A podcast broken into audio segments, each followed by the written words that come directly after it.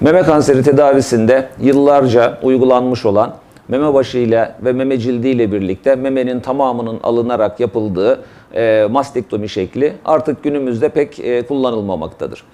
E, çünkü kozmetik sonuçları oldukça kötüdür, kadın psikolojisini son derece olumsuz etkilemektedir ve e, hastalığın tedavisine de ekstra bir fayda sağlamamaktadır. Bunun yerine e, memedeki sadece kanserli kısmın çevresindeki bir miktar sağlam meme dokusu ile birlikte çıkartılarak memenin kozmetiğinin bozulmayacak e, şekilde yapılan e, ameliyatlar artık günümüzde gündemdedir.